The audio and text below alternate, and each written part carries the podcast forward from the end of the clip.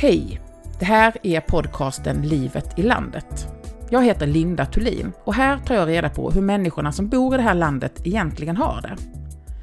För eh, efter 25 år som nyhetsjournalist på radio så upptäckte jag att det var det jag allra mest ville veta.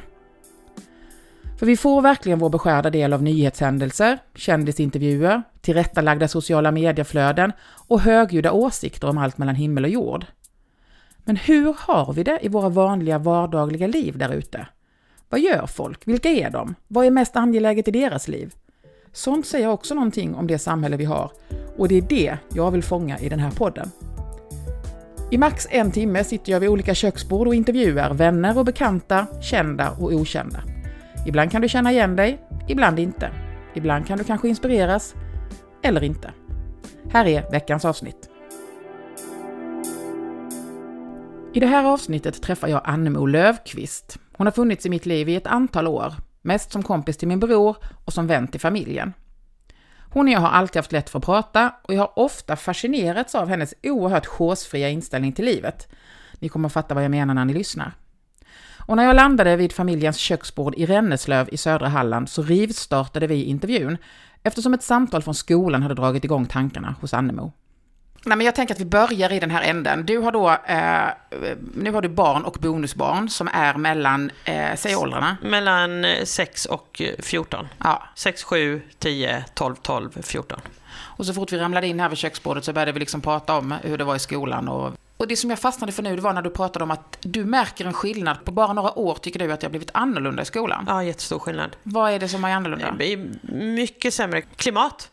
Fruktansvärt klimat. Det är bråk och mobbing och eh, slagsmål och eh, lärare som inte kan hantera det, lärare som inte vågar säga ifrån, lärare som inte vågar säga att sådär får du inte göra, det här är inte okej, okay, det här är inte acceptabelt, som inte kan sätta dem på plats från början, för de måste sätta dem på plats på en gång. När de kommer in i förskoleklass och de första gången gör någonting som är galet, så måste man ju säga, det här är inte okej. Okay.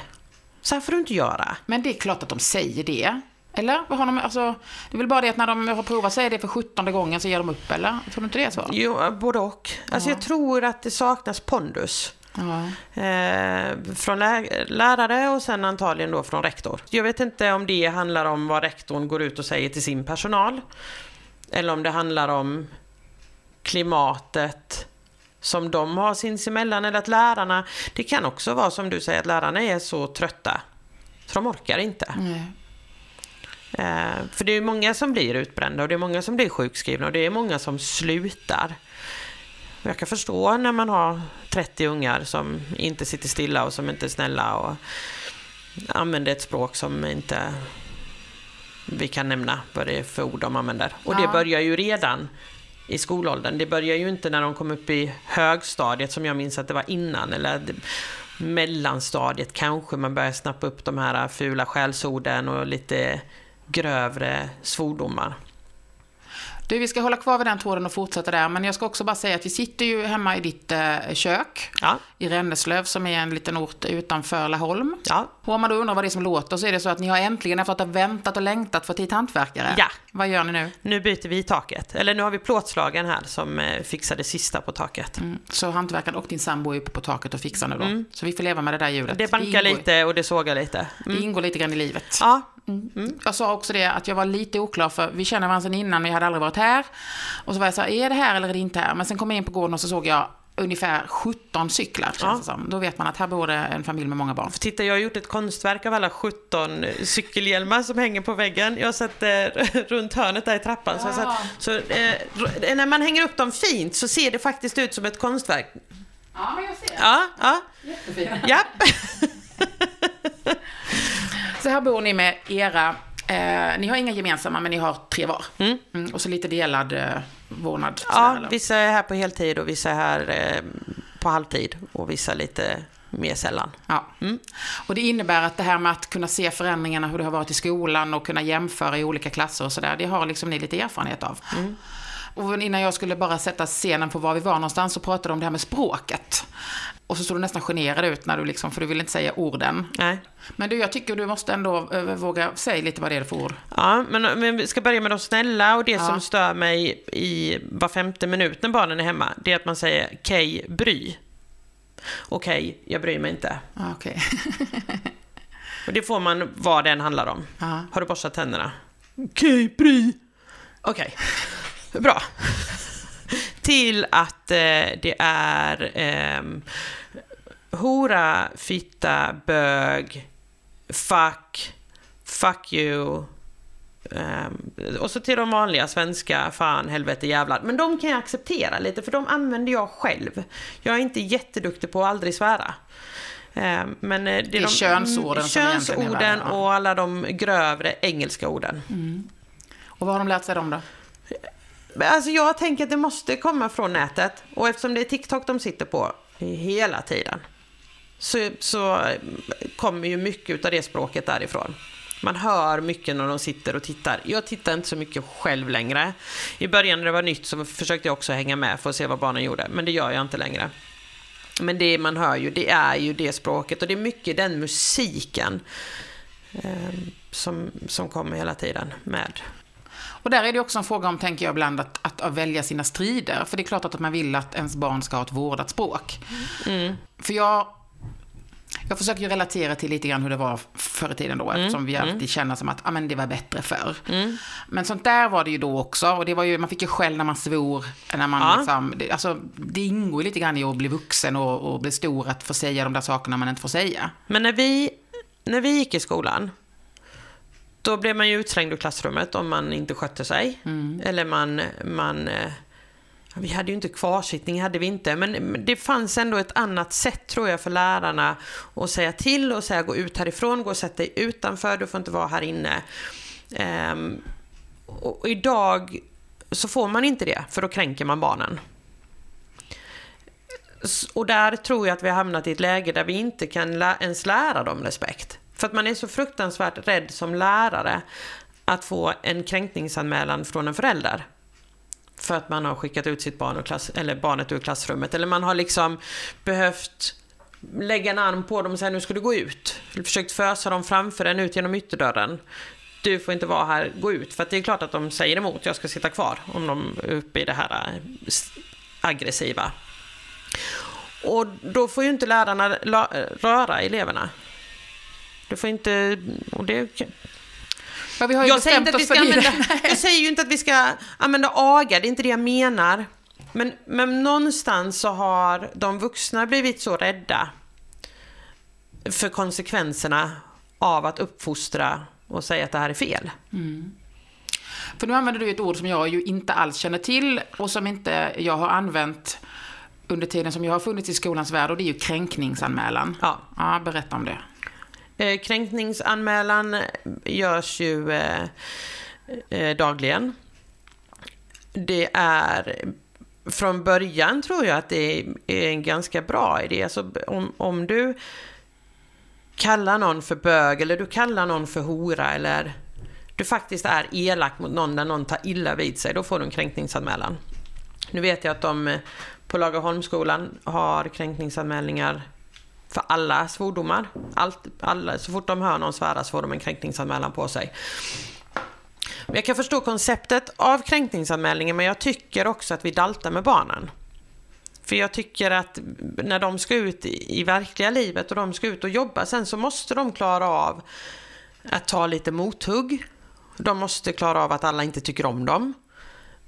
De måste förstå att de ska följa regler.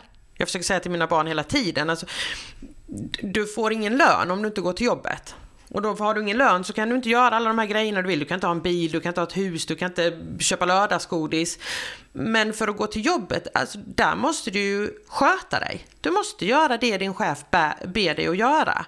Och det är inte alltid så himla roligt. Det finns inte så jättemånga jobb där folk säger mitt jobb är helt fantastiskt och helt underbart och helt toppen 100% av tiden. Utan det handlar också om att man måste göra de här tråkiga sakerna. Nu tappade jag tråden. Nej, men jag förstår vad du menar, att, att man ska inte acceptera att någon blir kränkt. Men man måste också lära barnen att bli utsatta för livet. Ja. Det betyder inte att man ska säga att det är okej att säga taskiga saker eller så, men att man gör barn inte speciellt eh, tåliga för elände, tänker jag. Nej. Nej och, jag, och det tycker jag ligger hos, hos föräldrarna också. Det är väldigt mycket bomull runt ens egna barn. Och mitt barn gör aldrig någonting fel. Och nu har ditt barn sagt det här till mitt barn. Ja, men vad sa ditt barn först? Nej, det vet jag inte, det har jag inte frågat. Nej. Nej, men det måste jag ha haft eh, några stycken sådana incidenter när föräldrar har ringt till mig och varit jätteupprörda för att mina barn inte har skött sig. Och, och min första instinkt är att bli arg på mina barn. Vad har ni gjort? Nu, nu sitter det ett barn som knappt vill gå till skolan imorgon för att du har varit elak. Men så börjar man fråga, men jag vet vi bjöd in några för att sitta hemma hos oss och ta en kopp kaffe och så skulle vi prata ut tillsammans. Så frågade men vad gjorde du i det här som fick mitt barn att... Nej men jag, det var jag som började. Jag sa så här och så här och så här. Och då svarade din unge på det. Och då blev jag ledsen. Ja, ja. men vad... Men, den... Och då sitter föräldern där och säger oj, jag kanske skulle ha frågat vad mitt barn gjorde först innan jag ringde till dig och var arg. Alltså det ska skvallras så himla mycket. Men även när det bara är kompisar som håller på och så, och så bråkar man med sina vänner så måste man direkt gå hem och berätta för sina föräldrar. Även om man kanske till och med har blivit sams igen. Och då måste man hela tiden, då ska föräldrarna hela tiden komma i en diskussion. Vet du om att ditt barn sa så här? Ja. Fast vad sa ditt barn och varför bråkade de och vad hände? För det måste ju vara två, även i den åldern måste det ju vara två stycken som bråkar. Om, om vi inte då går in på att prata om, om mobbing och när de faktiskt är, är elaka på riktigt. För då, då håller jag med om de här kränkningsanmälningarna. Och jag håller med om att vi ska, man ska vara stenhård. Du, jag fick en sån liten aha-upplevelse, för jag går ju också och tänker så här att när vi pratar om att det är mycket problem i skolan och att det är bråk och tjafs och sådär, så får man en slags bild av att föräldrarna inte bryr sig och att man inte tar tag i problem och så. Men det du mm. berättar är ju nästan motsatsen. Ja, men fast jag vill säga att det är både och. Ja. Det blir någon konstig mix. För att jag kan känna, och det kände jag redan när barnen var små, att man eh, som förälder idag inte visar samma intresse i sina barn som kanske våra föräldrar gjorde. För det är, det är så himla enkelt att bara sticka till dem telefonen. Jag tycker du är tjatig. Ta och sätt och titta på telefonen. Eller nu slår jag på tvn så att jag kan städa i fred. Jag blir, jag blir förvånad över att föräldrar inte vet. Som, jag går på föräldramöten för han i nian. Där nu eh, de här vape-cigaretterna är ett jätteproblem. Eh, och det är ju något som jag vetat vad det är ett tag. Jag har hört talas om det, jag har läst artiklar om det och jag har pratat med mina barn redan för ett och ett halvt år sedan om hur farligt det är. Och så sitter vi på föräldramötet och så kommer läraren och så säger de, och då var vi 20 föräldrar, ja så har vi fått problem med de här vapesen. Och då är det ingen förälder som vet vad det är för något. Inte ens någon förklarar att det liksom är en sorts e-cigarett med ånga som en vattenpipa fast i fickformat. Så har de inte hört talas om det överhuvudtaget. Och då kan jag tänka att då har man kanske inte så stor koll på vad ens barn gör. Men där tänker jag lite grann så, för det där är ju så lätt när man sitter i sin egen värld och sin egen verklighet. Att ja, men det här visste jag, hur kunde de inte veta det? Mm. Och så kanske det finns någonting annat som de har massa koll på, de föräldrarna som mm. inte du har koll på. För att vi har olika typer av liv och olika... Ja. Alltså jag tänker så att um, det är svårt att ge facit på något sätt, att det här och det här ska du engagera dig och det här och det här ska du inte engagera dig ja. i. För att världen är så komplex på något ja. vis. Eh, men det är väl det som kanske blir svårt när man då ska möta varandra då på ett föräldramöte eller så. Och så har man ganska olika typer av liv och olika typer av syn på barnuppfostran och allt vad det nu än är. Så att man eh, krockar lite där. Absolut. Men jag kan också, även om man, jag menar det finns ju jättemycket saker som mina barn gör som inte jag vet om. Ja. Såklart. Ja. Eh, både bra och dåliga saker. Men säkerligen massvis med dåliga saker. Men jag tycker ju ändå att man har ett ansvar som en förälder att se vad, vad som händer i samhället för de åldrarna där man har barn. Så att man kanske kan sätta sig och prata med sina barn om det. Eller kanske försöka få en relation med barnen där de faktiskt berättar.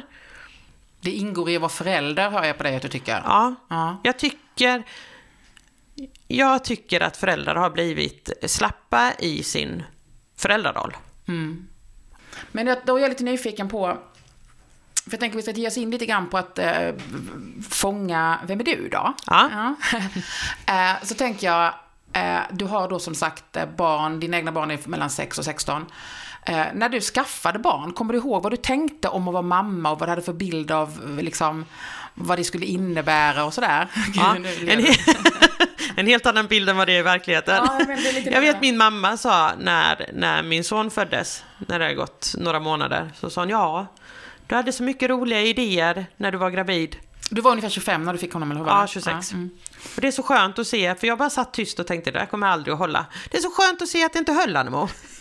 Vad var det för idéer då? Nej, men jag hade idéer om att eh, han skulle sova i sitt eget rum. Den minns jag väldigt starkt. På en gång när vi kom hem från BB så kom han ju sova i, i sitt barnrum. Sen förstod ju jag att jag skulle upp och amma. Det har jag alltid varit väldigt införstådd med. Men, men han skulle ha sin egen säng. Och det gick inte alls, för att jag var tvungen att vakna ungefär var 15 minut och se så han andades. Mm. Så han låg ju bredvid mig i en liten vagga. Um, och klockan fem på morgonen så fick min man gå upp och ta ut vaggan och ställa ut i vardagsrummet och sitta och vakta honom så att jag fick sova en timma. Ehm, men nej, annars tycker jag, alltså, jag älskar bebisåldern. Jag tycker den är helt fantastisk. Jag, kan, jag har tålamod till tusen. De kan få gråta och skrika, ont i magen och allt vad det är. Det berör mig inte. Jag kan vara uppe hela nätterna och gå och vagga. Det stör mig inte alls. Eh, men sen har ju varje ålder sin utmaning. För jag kommer ihåg när de började komma upp i de första trotsåldern. så tänkte man gud vad jobbigt men oh, om de var lite äldre. För då kan man i alla fall föra en dialog och säga det här är inte okej för nu kan jag prata med dig. Och då kommer man upp i den åldern och då kan de faktiskt eh, ge svar på tal. Så att det är inte bara att jag kan säga så här får du inte göra för då kan de komma med Fast det för jag visste och så gjorde du och du gjorde det här. Eh, tills man då, alltså min jobbar, min kollega sa till mig idag, små, små barn, små bekymmer, stora barn, stora bekymmer. Mm. För det ändras ju, det blir helt andra problem. Jag är inte så nervös för att, att de har en dålig dag eller att de skulle känna sig utanför just då eller har de svårt att lära sig att läsa eller har de vad det nu skulle vara. Ehm, nu är det ju mer, kommer han ha betyg? Vad, kommer han klara av att vara vuxen? Vi är ju där. Mm. Ska jag låta honom köra moppe? Och var är han hela natten? Um, så helt andra, andra problem. Men jag kan ju ändå tycka att, att eh, åldern när de är i tonårsåldern är ju rätt rolig, för jag är ganska sarkastisk. Och det är mina barn också. Och nu är de ju det. Nu kan vi göra roligt tillsammans på ett helt annat sätt än, än eh, att få en sexåring eller en fyraåring att förstå att jag driver med dem. Men du, jag tänker så här, för du är ganska klar över liksom vad, vad barn behöver och hur du vill förhålla dig till dem och vad du vill lära dem och sådär. Mm. Eh, hur har du kommit på det? Eh, från mina föräldrar. Ja. Jag hade världens strängaste föräldrar, tyckte jag då. Ja. Och det hade jag nog om jag jämför med mina kompisar. Jag hade tider jag skulle vara hemma och de ville veta vart jag var. Och de skjutsade oss väldigt ofta och vi hade ofta att alla var hemma hos mig. Eh, nästan alltid var vi alltid hemma hos mig.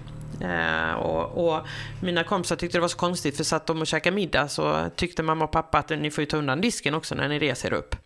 Eh, även fast ni är gäster. Så hjälps vi åt och plocka undan och vi hjälps åt med grejer. Eh, jag tyckte det var jättehemskt.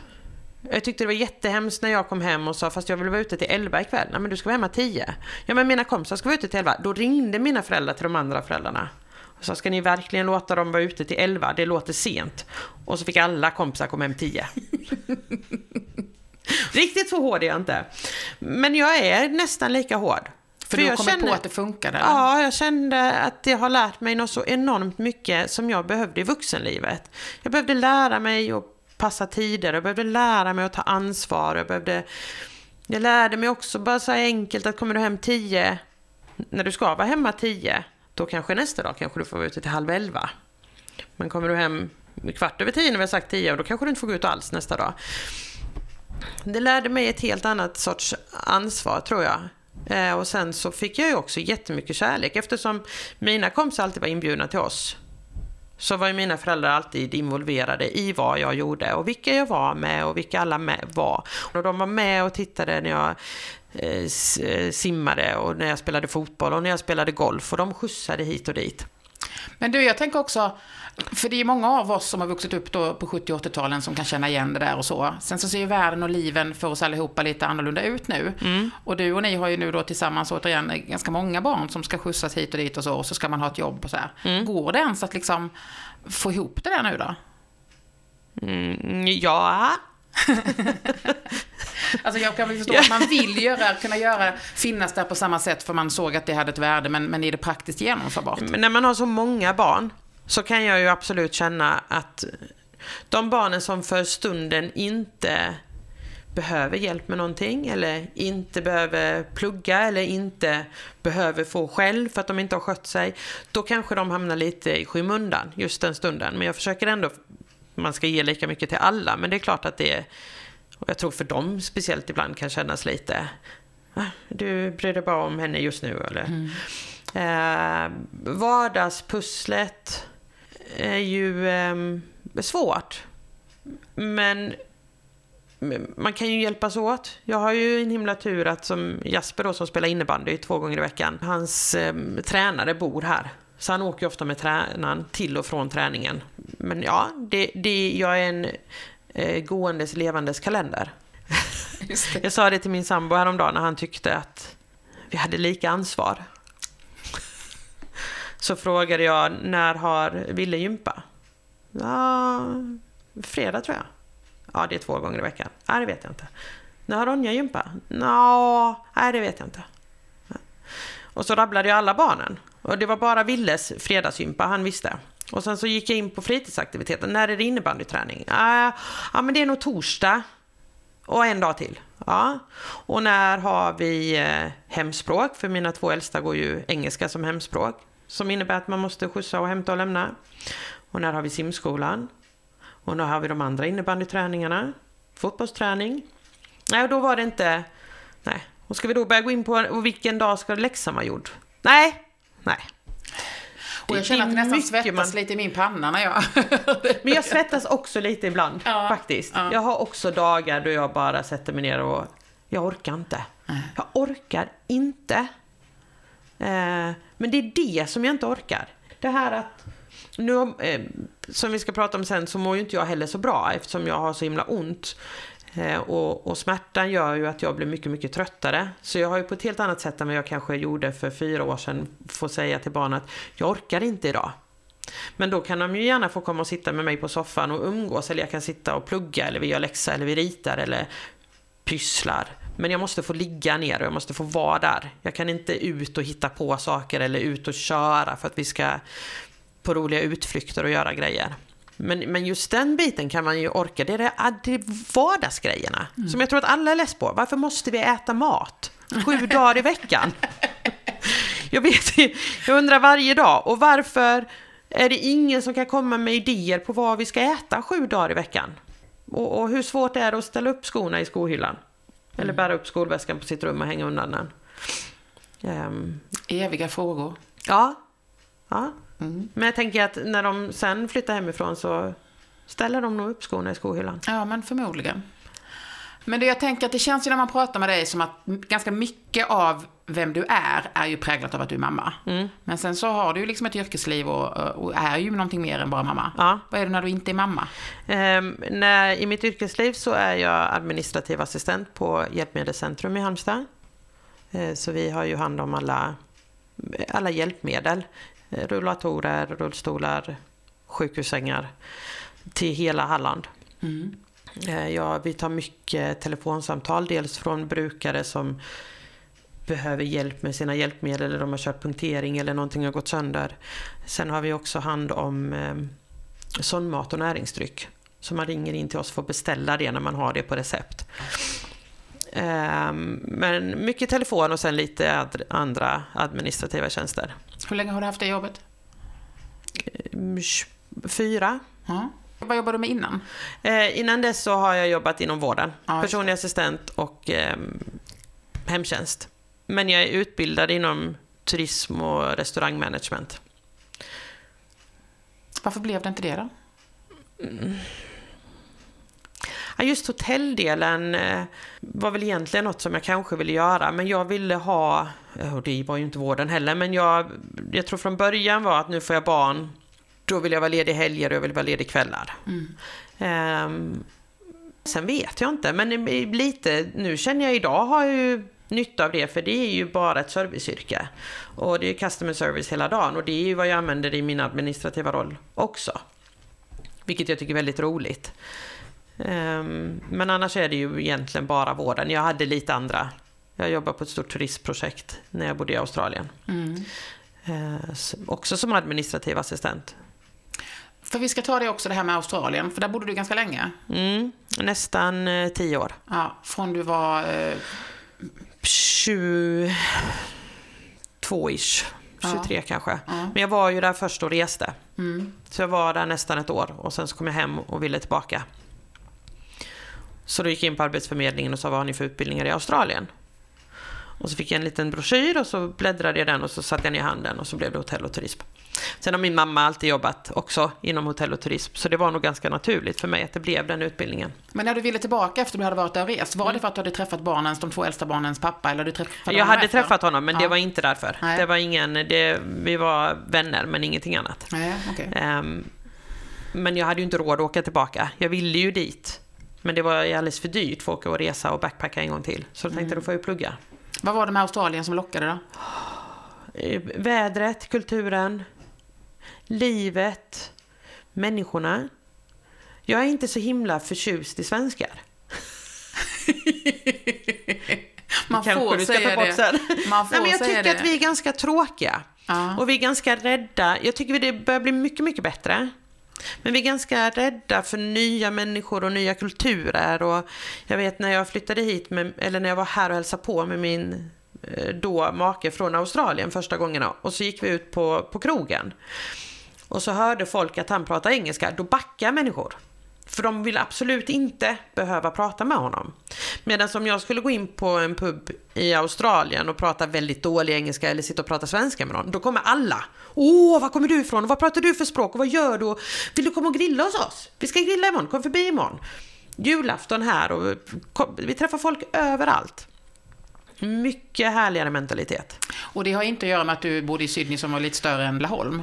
Nej, det är, det är nog ännu mer inbjudande när du kommer ut på landet i Australien. Kan du längta dit? Ja, varje dag. Nej. Jo, ibland om jag inte då skulle se för kärleksliv och barn som jag då har så är det nog det dummaste jag gjort. Det att flytta hem. Ah. Men jag fick ju barn här. Både Jasper och Elsa är födda där. Och jag hade inte så mycket stöd av, av hans familj, så att jag blev ganska ensam i min mammaroll. Och där är man ju mammaledig utan pengar. Men man har inte heller råd att skicka dem till dagis, för det kostar mer än vad jag hade fått i lön. Så man är ju hemma, men sen har man ett helt annat socialt eh, liv med sina barn, för alla är hemma. Så det är gympagrupper och det är musikgrupper och det är öppna förskolan och så man, man träffas ju dagligen. Men när vi sen kom hem och bodde hemma ett litet tag och sen flyttade vi tillbaka till Australien igen. Den gången då insåg jag hur mycket det betydde att ha familjen nära. Och ha mormor och morfar och två mostrar som liksom gjorde allt för våra barn. Mm. Så då blev det ganska naturligt att vi ville tillbaka och faktiskt bo här. Det stödet, bara att känna att man kan gå till tandläkaren och inte behöva ha med sig ett litet barn i en barnvagn för att man har ingen barnvakt. Men det är ju intressant med, för då har du ju verkligen fått uppleva det här. För det är ju Sverige så känt för att vi har en, en föräldraförsäkring och vi har en välfärd som gör liksom att du eh, kan lämna barnen på dagis och ja. du får vara hemma med, med liksom pengar och så vidare. Och då blir det ett helt annat liv att leva när man inte har de möjligheterna. Ja. Hur mycket påverkar det ens möjlighet att vara bra förälder? Eller vad, vad, vad blir skillnaden liksom att vara mamma i de två olika samhällena? Men, jag uppskattar ju det svenska systemet e- enormt mycket. Eh, jag tycker att vi ska ha föräldrapeng. Jag tycker det är fantastiskt. Och, och sjukpeng och ett förskola som vi har råd med. Men jag kan också tycka att eh, den tiden jag hade med mina barn i Australien är något jag inte hade fått i Sverige. För att då hade jag gått tillbaka och jobbat. Så jag fick ju rå om dem mycket, mycket mer. För här är det mycket svårare att ha råd det är svårare här att ha råd att bara leva på en inkomst mm. än, än vad det är där. Så jag hade ju lyxen att faktiskt få vara hemma. Och vi hade råd med det. Och ni visste också att det fanns inget alternativ? Nej, och det vet man ju när man planerar. Ja. Har du inte råd så kan du inte skaffa barn. Lite så är det ju faktiskt. Nu pratar jag i och för sig storstad där folk ofta har en annan utbildning och har andra karriärer. Men det var ju inte många som vi kände där som kanske skaffade barn innan man var eh, redo att kunna klara av det. Min man fick fem dagar pappaledigt. Och det var för att han jobbade statligt. Hade han jobbat privat så hade han antagligen inte fått någonting. Jag fick inte en endaste dag. Eh, sen kan jag ju säga idag, som efter att ha gått sjukskriven i två år, det hade jag ju kanske inte klarat där. Det hade ju varit jätte, jätte, jättekämpigt. Det sociala och det man lär sig på förskolan, eller jag vill fortfarande säga dagis, men på förskolan, det är jätteviktigt för barnen. Men om du faktiskt är hemma och faktiskt är en engagerad förälder med ett jättesocialt nätverk. För jag vet många av mina kompisar ringde och sa det är så bra att ni ska komma hem till Sverige för nu äntligen kommer Jasper och Elsa få kompisar och lära sig samspelet mellan andra barn. Men vi träffar andra barn hela tiden. För alla har samma liv? Ja, så att det, det var ingen skillnad. Men för de som kanske inte orkar eller som kanske inte har möjligheten att ge barnen det, då är det självklart jätteviktigt att man har råd att lämna dem på förskola. Det var ju liksom så själva förskolan kom till från första början, att man gjorde den till en pedagogisk verksamhet. Att den skulle vara, som man brukar kalla det för då, kompensatorisk. Ja. De som inte kan få det här hemma ska ändå kunna få det. Eh, men det där kan ju liksom alltid vara en balansgång såklart. Ja. Och det är spännande för någon som har levt i båda världarna, ja. tänker jag. Du, eh, vi ska snacka om sjukskrivningen också då. För den har du och jag pratat ganska många gånger om när vi har setts på senare tid. Ja. För det är alltid så nya turer, hur går det med allt och så. För du har ju då, ja men berätta om, om skadan för det första. Från början vet jag inte vad, varför. Men jag har då vad de kallade från början en instabil ryggrad. Så 20, början på 2019 så stelopererade de ländryggen. Då, då hade, hade du haft ont ganska länge? Då hade jag gått med det började med att jag fick ryggskott efter ryggskott efter ryggskott och sen så släppte aldrig smärtan från ryggskottet. Så det hade jag gått med i eh, runt två år kanske. Ehm, och så stelopererade de ryggraden. Det och, låter jättedramatiskt. Att steloperera, alltså...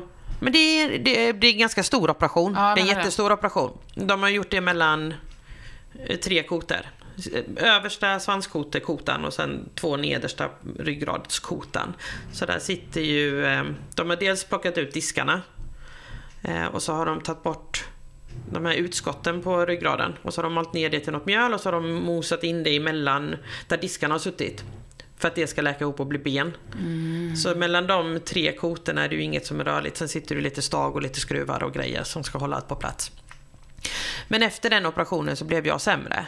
För att det fanns en risk att den inte skulle funka, eller var det en misslyckad operation, eller det vet du? Nej, det, det fanns en risk. Mm. Det är väl 75% som blir eh, bra. Och då eh, så blev jag ju slängd. Först då var jag hemma ett år. Sen gick jag tillbaka och jobbade ett, ett halv, nej ett år, men då jobbade jag bara halvtid. Eh, och då till slut så sa läkarna, eller kirurgerna som har gjort ländryggsoperationen, det är inget fel på dig.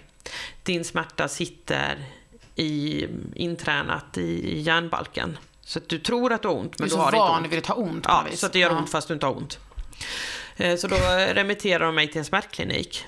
Och då så skulle de titta på samma röntgenbilder som läkarna hade tittat på.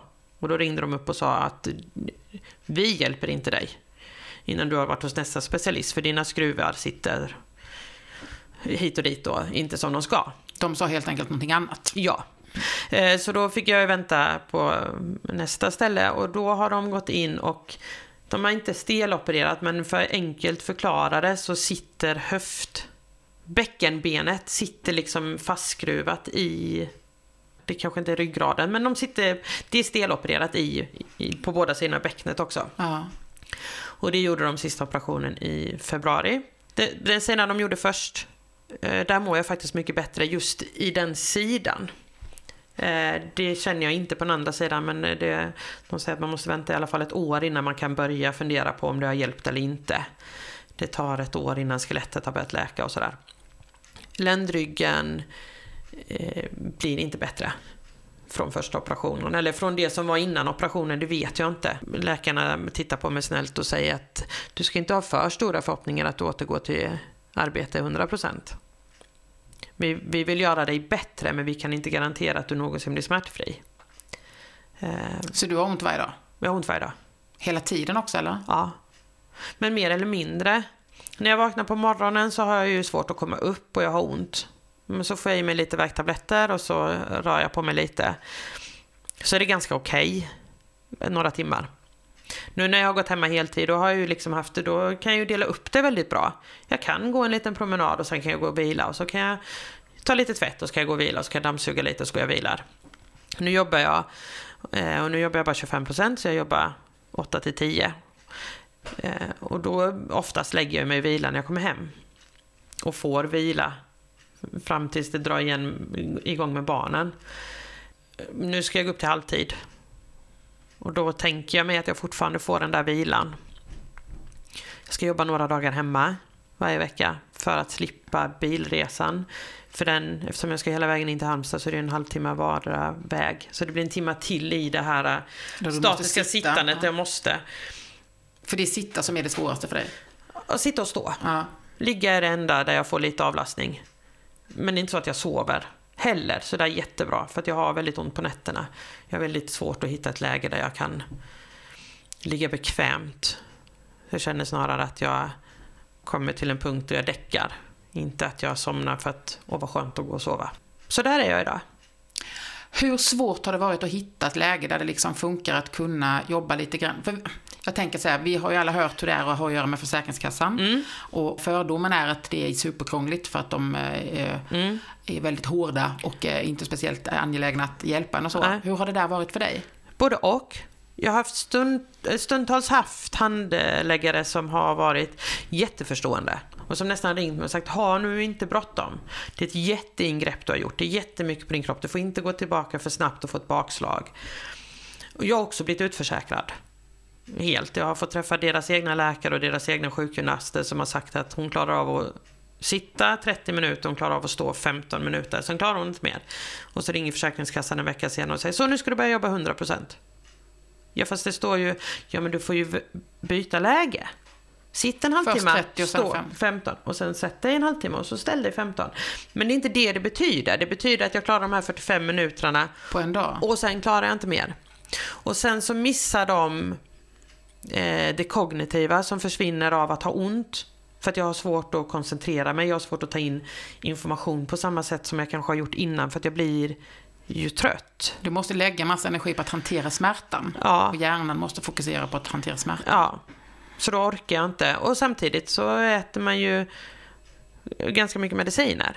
Som kanske också gör att man blir lite grötigare i huvudet ibland. Inbillar jag mig.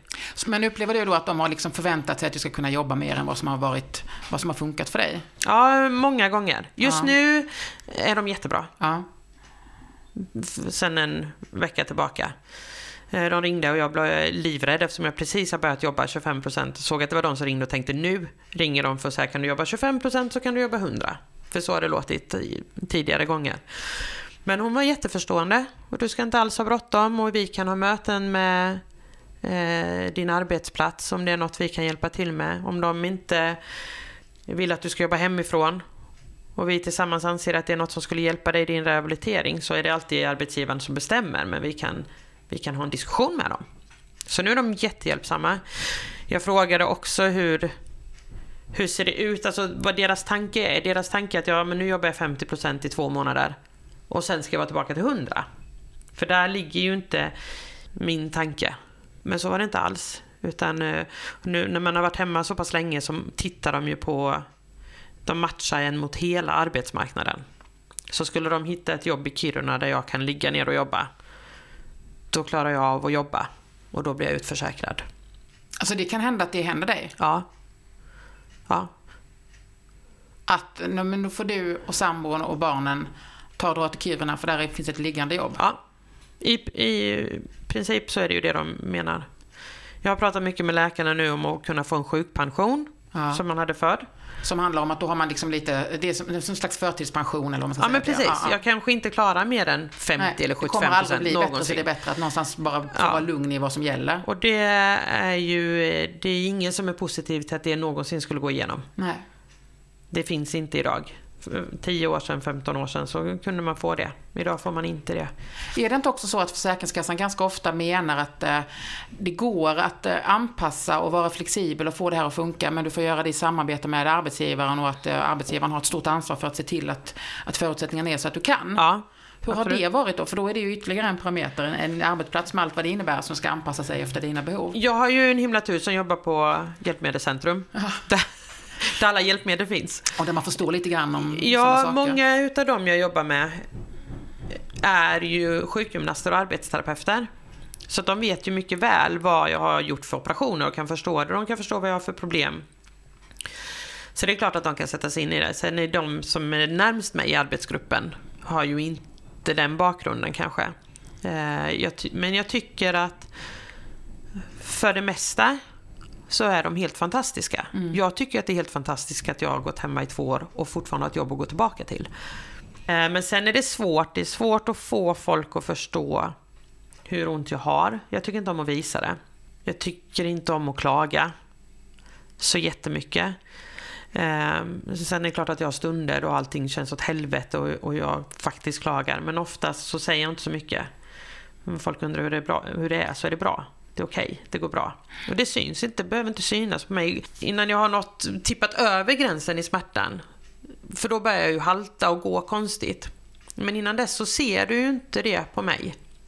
Och då är det jättesvårt för andra att förstå att oj vad ont hon har eller om jag kanske zoomar ut när de sitter och pratar med mig så kan det kanske vara svårt och då kanske jag snarare uppfattas som disträ eller ointresserad på jobbet.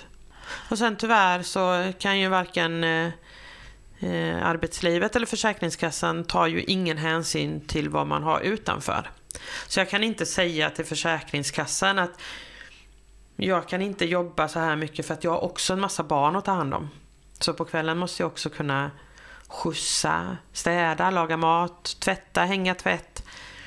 För det, det, det ingår inte i vad de tittar på. Nej. Det skiter de fullständigt i. Ja, men du kan jobba.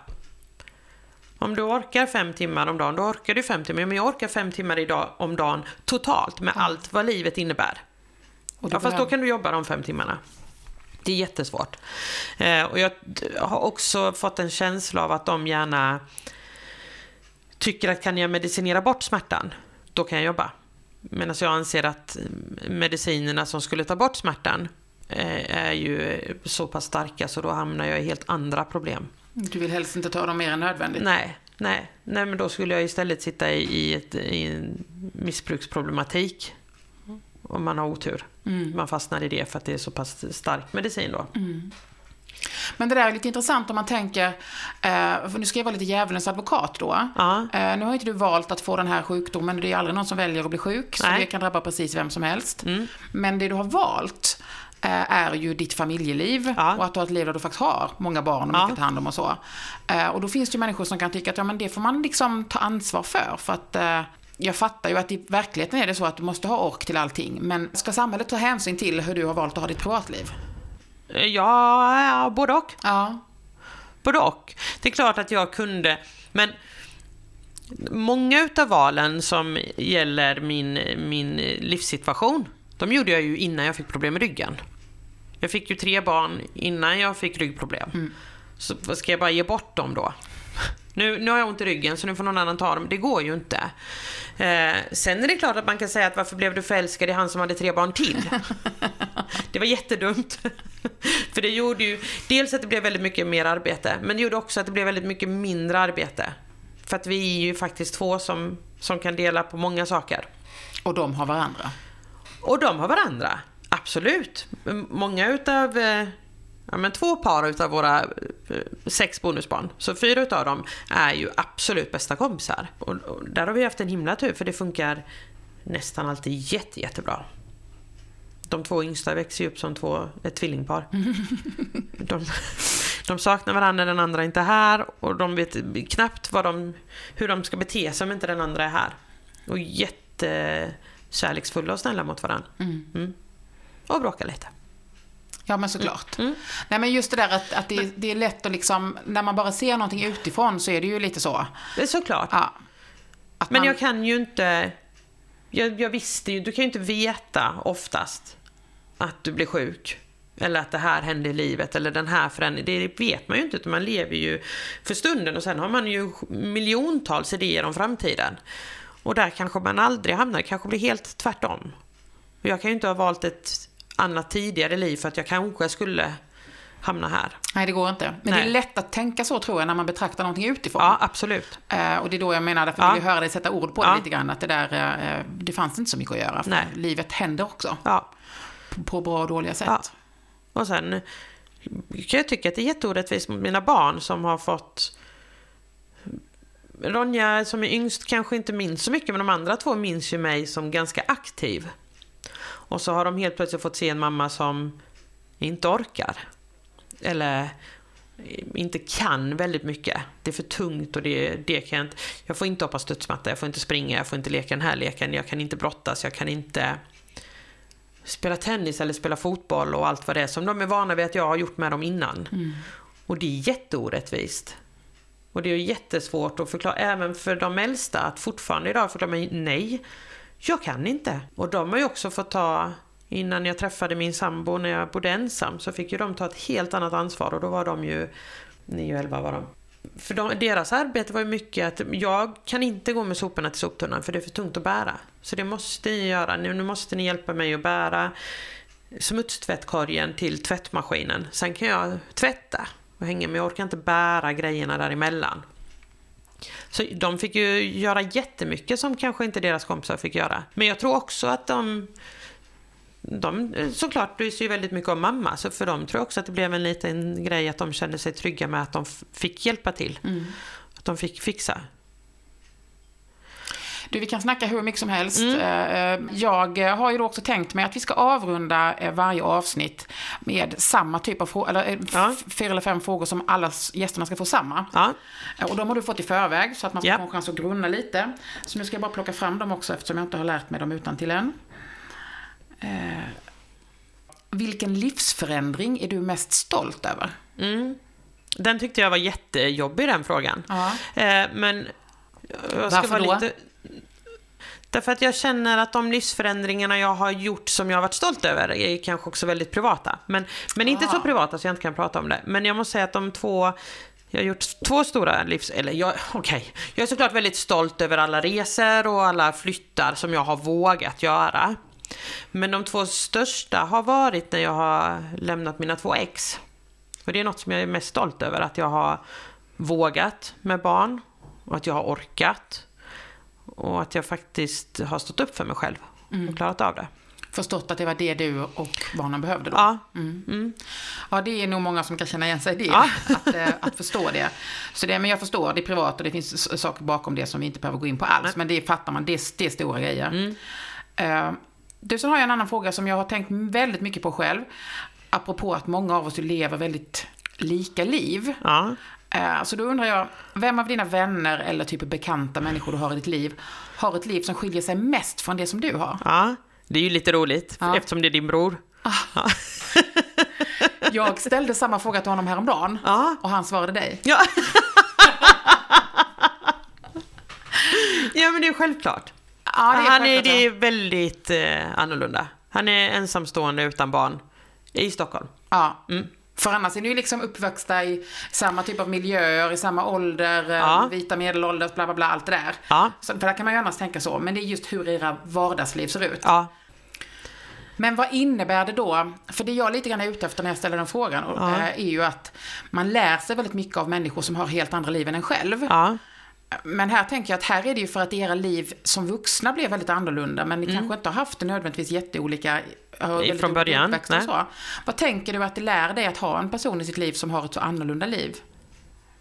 Ja, men dels så ger det ju en, en, en bredd i synsättet. Alltså man ser ju kanske då på livet på ett helt annat sätt. Eller som du säger, när du ställer frågan, djävulens advokat, eh, du har ju valt de här och har de här barnen och har det här livet. Så hur, varför ska vi ta hänsyn till det? Det är lite de kommentarer man kanske kan få från honom eller se på det på andra hållet mot honom också som gör att jag får en bredare syn på livet och en bredare syn på samhället. Mm. Och en helt annan förståelse för både min sida och hans sida. Men han kan ju också ställa frågor som jag kanske aldrig ens har tänkt på för jag är så mitt uppe i mitt liv. Mm. Så kan han komma med en fråga för det är så olikt hans. Varför är den så? Eller varför hände det? Eller varför tänker du ens på det viset, Anemo? Spännande, för att jag också hade tänkt mig... Jag hade inte förväntat mig ett svar som var en person som jag egentligen tänker, alltså ni är ju nästan bästa kompisar. Mm. Eh, Och har varit, och därför är också därför jag känner dig. Så därför så blev det så här, ja, den mest olika. För att det blir Ja. ju inte det på ett sätt. Nej. Men, men, så det var ett annorlunda svar än vad jag hade tänkt mig, men därför var det rätt spännande. Ja, Sen är ju också den här frågan då, som också handlar väldigt mycket vad man lägger i ordet. För min fråga är så här, vad är lyx för dig? ja, Ordet lyx kan ju definieras på så många olika sätt, men det får du liksom tolka som du vill själv. ja.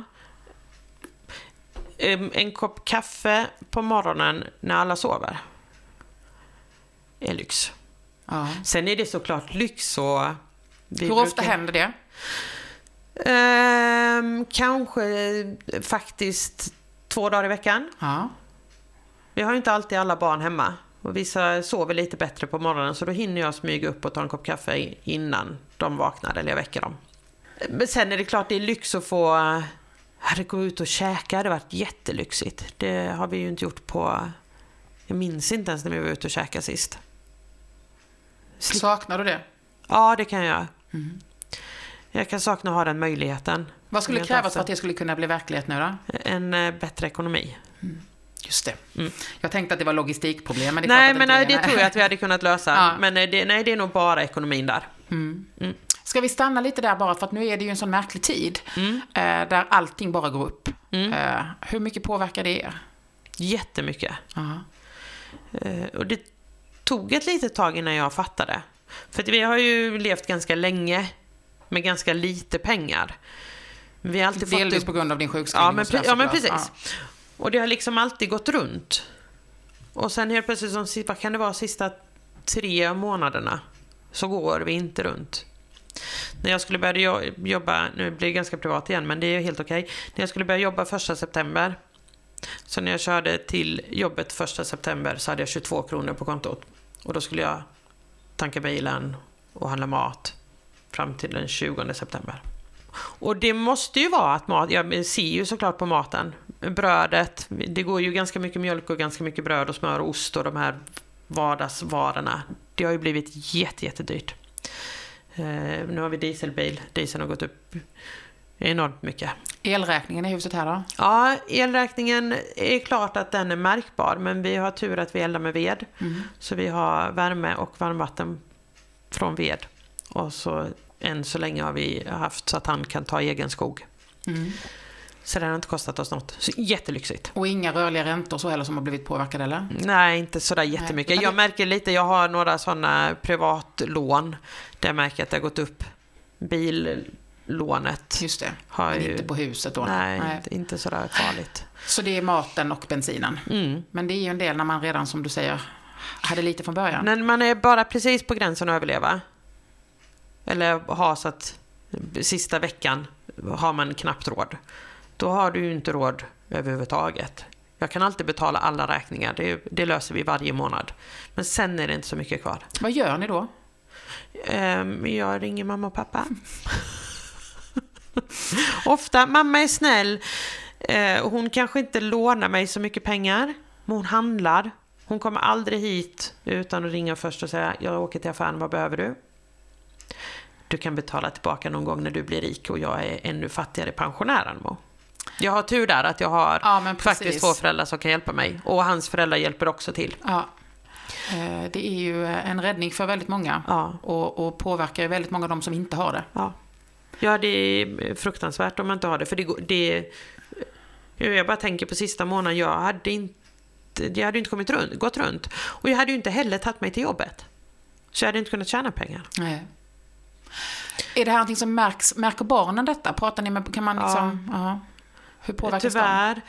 Jag har försökt då eh, tidigare haft en eh, kanske sagt nej det här det kostar för mycket eller det tänker jag, det gör jag inte nu eller det här får du önska dig eller det här får du spara till. Men nu är det ju, nu är de väl medvetna om att jag har inga pengar. Jag tror att det påverkar dem jättemycket för att de har väldigt många kompisar som har råd. Ehm, och väldigt många kompisar som, som får pengar. Så det är klart, och det är ju hjärtskärande också att kunna, alltså när ens 14-åring kommer hem och säger vi måste faktiskt åka och köpa nya jeans. För jag, jag har ett par jeans. Alla andra slutar ungefär under, under knäna. Jag kan ju inte gå till skolan med samma byxor och det vet jag att man inte kan. För då blir man retad för det. Så jag måste ju köpa byxor. Mm. Och hela tiden behöver jag säga, nej det kan jag inte. Nej, du kan inte hänga med och käka pizza i helgen. För jag kan inte betala. Eh, så det, det är jättetråkigt. Men jag tror, jag vet inte, min son är väldigt så, jag kommer bli jätterik. Du kan lugna dig mamma för att du kommer bara vara fattig fram till jag är 18 så det är bara ungefär tre år kvar. Sen är jag rik för du är vuxen. Men jag tror att de får ett annat värde utav pengar. De förstår värdet på ett annat sätt. Så förhoppningsvis kanske de efter att de har splashat ut när de får sina första löner faktiskt lär sig att hålla i pengarna för att det, det är värt lite mer. Du, eh, du ger ju inget som helst sånt intryck, men jag måste faktiskt ändå ställa frågan, apropå att du har kämpat rätt mycket med den här smärtan och det har varit motgångar och det är liksom tufft med ekonomin och så vidare. Blir du någonsin bitter? K kanske 5-10 minuter eh, varannan vecka. Vad tänker du då? Nej, gud vad tänker jag? Jag kan tänka, jag kan bli bitter över så många olika saker. Jag kan bli bitter över att, eh, eh, som när det, barnen strular, eller när de nu bråkar eller gör fel för sig, så kan jag bli bitter över att, jag kan använda jag har varit ensamstående mamma åt er sedan ni var väldigt, väldigt små. Och jag tycker att jag uppfostrat er rätt. Varför gör de så här mot mig? Vad har jag gjort fel? Då kan jag bli ganska bitter. Jag kan bli bitter på att folk har en stabilitet i livet som jag kanske aldrig har haft. Och jag ska inte säga att det inte är mitt fel, för att jag är, är ganska hattig av mig och ganska svårt att bestämma mig och tycker om att flytta. Och, väldigt bra på att skilja mig, har jag sagt. Men, så att jag kanske inte har stabiliteten som vissa av mina vänner har som kanske har varit tillsammans i 20 år och har sina gemensamma barn och har byggt upp en helt annan ekonomi för de har haft möjlighet att göra det. Men sen så känner jag alltid att jag har, haft ett, jag har levt ett helt annat liv. För jag har rest och sett världen och gjort andra saker. Och du har och också du, gjort det du har gjort av skäl som du vet varför. Liksom. Ja, så att jag värderar alla mina livserfarenheter mer än eh, motgångarna. Mm. Mm. Ja, det var bara en fråga som kom över mig. Vi ska mm. gå tillbaka till mitt manus här med två frågor till som är de här allmänna. Eh, den här är ju mycket spännande att ställa till en person som har det livet du har. Vad gör du när du har en timme över? Har du någonsin, det är klart att du har en timme över. Eller? Jag pratade med en av mina kompisar igår och sa, gud vad ska jag svara på det? För att har jag en timme över? Det vet jag inte ens vad det är. Men eh, jo, men det har jag. Ehm, och eh, om jag då inte vilar, för det är ju ganska tråkigt svar att säga att jag vilar. Ja, men hur går det till när du vilar? Alltså, vad, vad, är då, du helt tyst? Har du musik? Har du bara... Nej, antingen så lyssnar jag på musik eller så lyssnar jag på en bok eller så sätter jag igång TVn. Mm. Men om jag har en timme över där jag har ork, då planterar jag. Mm. Jag odlar och planterar och plockar blommor och pillar i trädgården. Okej, okay. mm. vad odlar du då för någonting då? Och vi har eh, nu är vissa saker skördade redan, men vi har potatis och rödbetor och morötter och majs och lite olika sallad och tomater och gurka. Mm. Eh, och sen har jag jättemycket blommor. Härligt. Mm. Och sen i sista frågan, vad skulle du vilja lära dig mer om? Och den var ju jättesvår. Mm. För jag har så många saker. Jag så jag har grunnat det. här fram och tillbaka. Ehm, jag tänker om mina barn lyssnar, så för att de ska tycka att eh, jag är jag, så säger jag att då ska jag lära mig att beatboxa. För det var någonting jag... jag började öva på i slutet av sommaren. Och så skickar jag små videoklipp till dem när jag visar vad jag har lärt mig med Hur min beatboxning. Det Nej, men det... det tar vi inte nu. Okej okay då. Um, du är inte färdiglärd? Nej, jag är inte färdiglärd. Nej, okay. nej, men det finns mycket att lära sig på eh, YouTube. Det är jätteroligt. Mm. Eh, annars... Varför vill du det då? Därför att jag, jag hamnar i det här. Okej, okay, vad kan jag egentligen göra med mitt liv som in, där inte ryggen sätter stopp? Som kanske kan vara ett litet roligt partytrick eller någonting där jag är lite udda. Jag tycker om att få sticka ut lite. Beatboxing är ju perfekt. För det är inte så många 40-åriga sexbarnsmorsor som beatboxar. Nej. Eh, och det anstränger inte min rygg jättemycket. Så därför började jag med det. Du har lyssnat på Livet i landet, en fristående podcast producerad av mig, Linda Thulin. Det här är mitt försök att hitta ett nytt sätt att prata om Sverige och hur vi som bor här har det. Om du gillar det du hör så kommer det nya avsnitt varje måndag. Du kan läsa mer på livetilandet.se och följa Facebook-sidan Livet i landet. Där finns också information om hur du gör om du vill bidra till produktionen, till exempel via Patreon. Tack för att du lyssnar och kom gärna tillbaka. Hej då!